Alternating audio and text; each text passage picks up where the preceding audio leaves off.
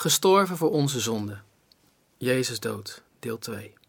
Leven in Christus is leven met Christus als fundament. In vorige Bijbelstudies in deze serie kwam dat steeds naar voren. De opstanding van Jezus bepaalt het perspectief. Eenheid met Jezus begint niet bij ons, maar in de menswording en in het leven van Gods Zoon die zich één maakt met ons bestaan en zich met ons identificeert. En uit die beweging van identificatie, uit Jezus dood voor ons, spreekt een bijzondere liefde, liefde voor vijanden. Tenminste, dat vraagt wel wat uitleg. Waarom zou het liefdevol zijn om voor iemand aan een kruis te sterven?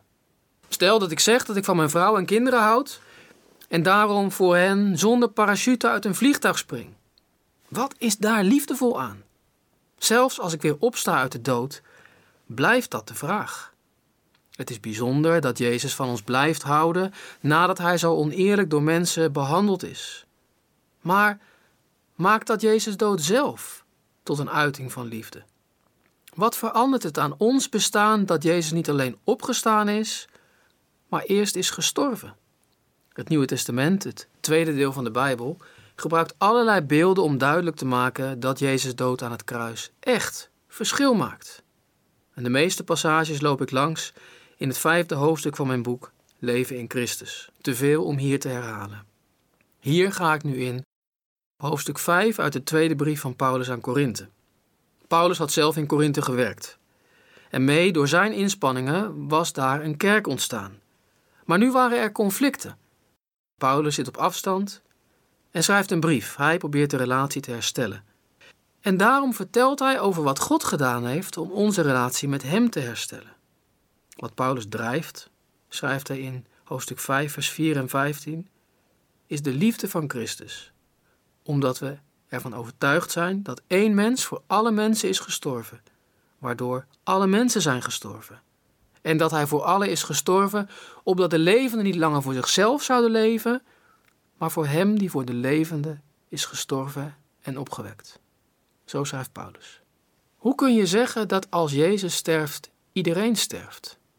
En hoe kan Jezus opstaan voor de levenden, zodat zij niet meer voor zichzelf leven? Dat kan doordat Hij onze koning is, die zich met ons identificeert, zich met ons één maakt, ons vertegenwoordigt. Het sterven en opstaan van Jezus heeft grote betekenis en maakt alles anders.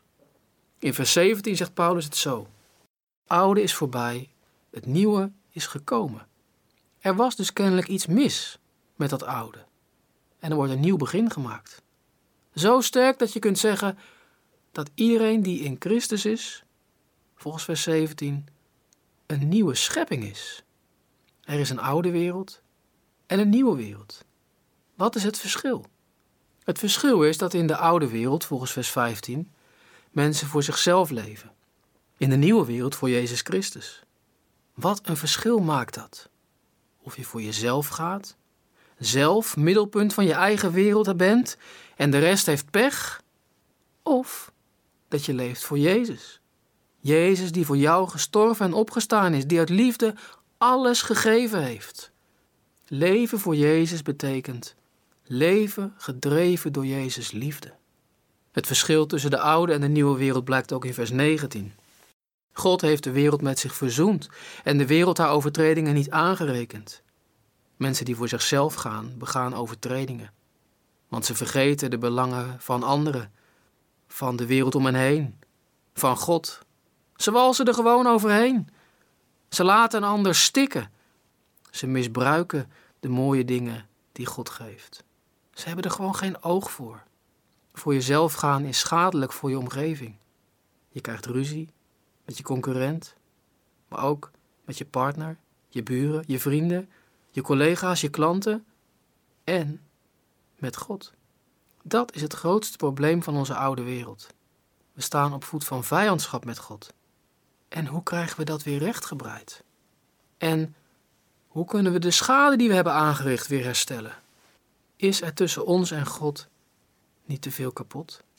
Zoveel dat het nooit meer goed komt? Dat is geen gekke gedachte. Zo had het kunnen lopen dat het nooit meer goed zou komen tussen ons en God. Maar God heeft het daar niet bij laten zitten. Het was niet zijn schuld dat het zo misgelopen was. Hij was niet de grote egoïst. Dat waren wij geworden. Maar, vers 21, Jezus Christus die de zonde niet gekend heeft, hij was geen zondaar, dat waren wij. God heeft Jezus Christus voor ons één gemaakt met de zonde.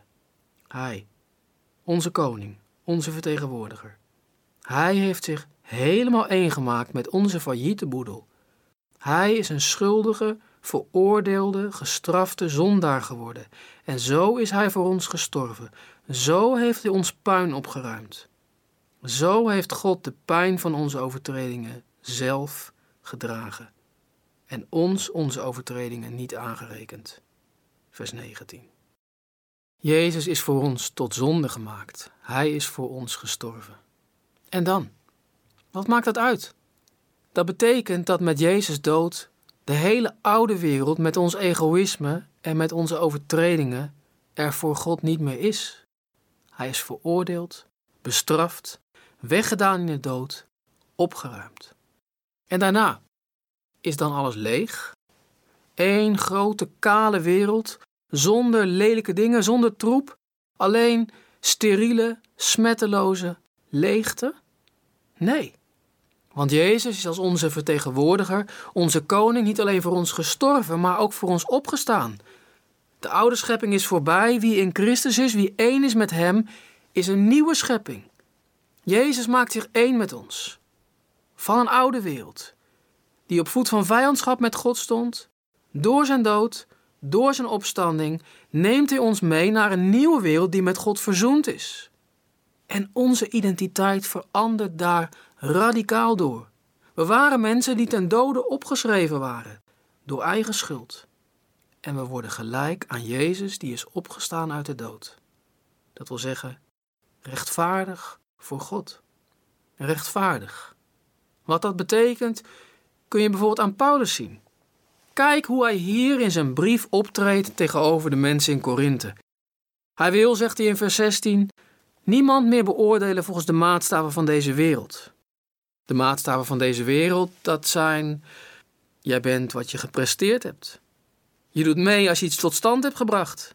Als je geld hebt. Het draait om aanzien, om macht, om kracht. En als jij maar iets geflikt hebt, dan zal ik je wel een keertje terugpakken. Christus maakt alles anders. Die maatstaven van de wereld blijken nergens op te slaan. Ze horen bij een oude manier van leven en van kijken. Christus liefde geeft een heel ander perspectief. Ook Paulus zelf werd niet vastgepind op zijn verleden.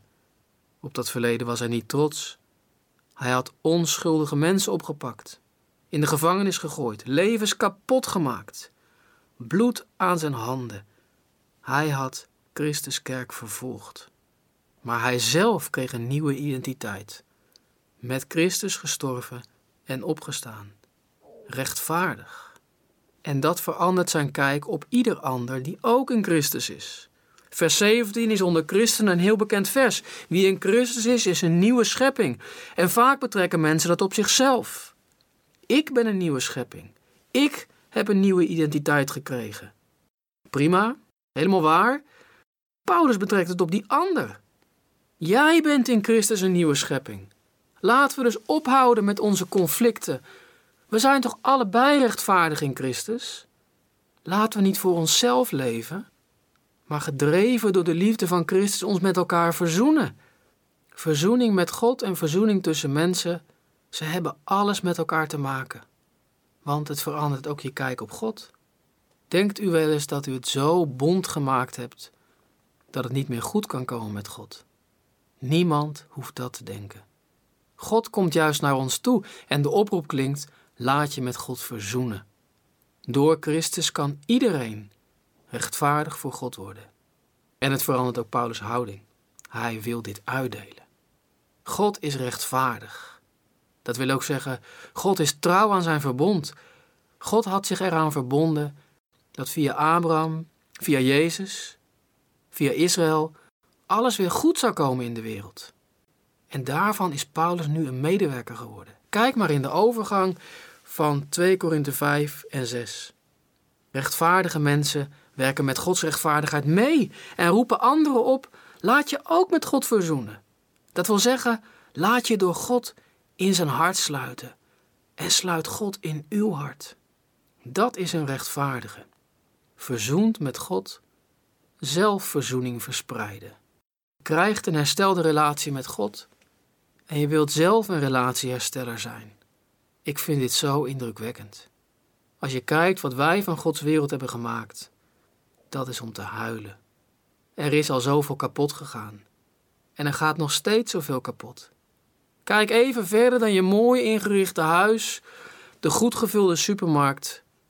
Er is zoveel kapot. En ik zou niet weten waarom God ons dat moest vergeven.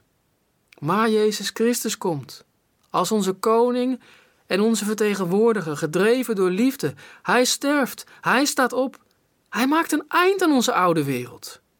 En hij is het begin van een nieuwe schepping. Hij kan met ons kwaad dealen. Ons kwaad, het is voor ons een moeras waarin we wegzinken. Een last waaronder we bezwijken. Maar God bevrijdt ons ervan, in Christus. Een nieuwe schepping. Vrede op aarde.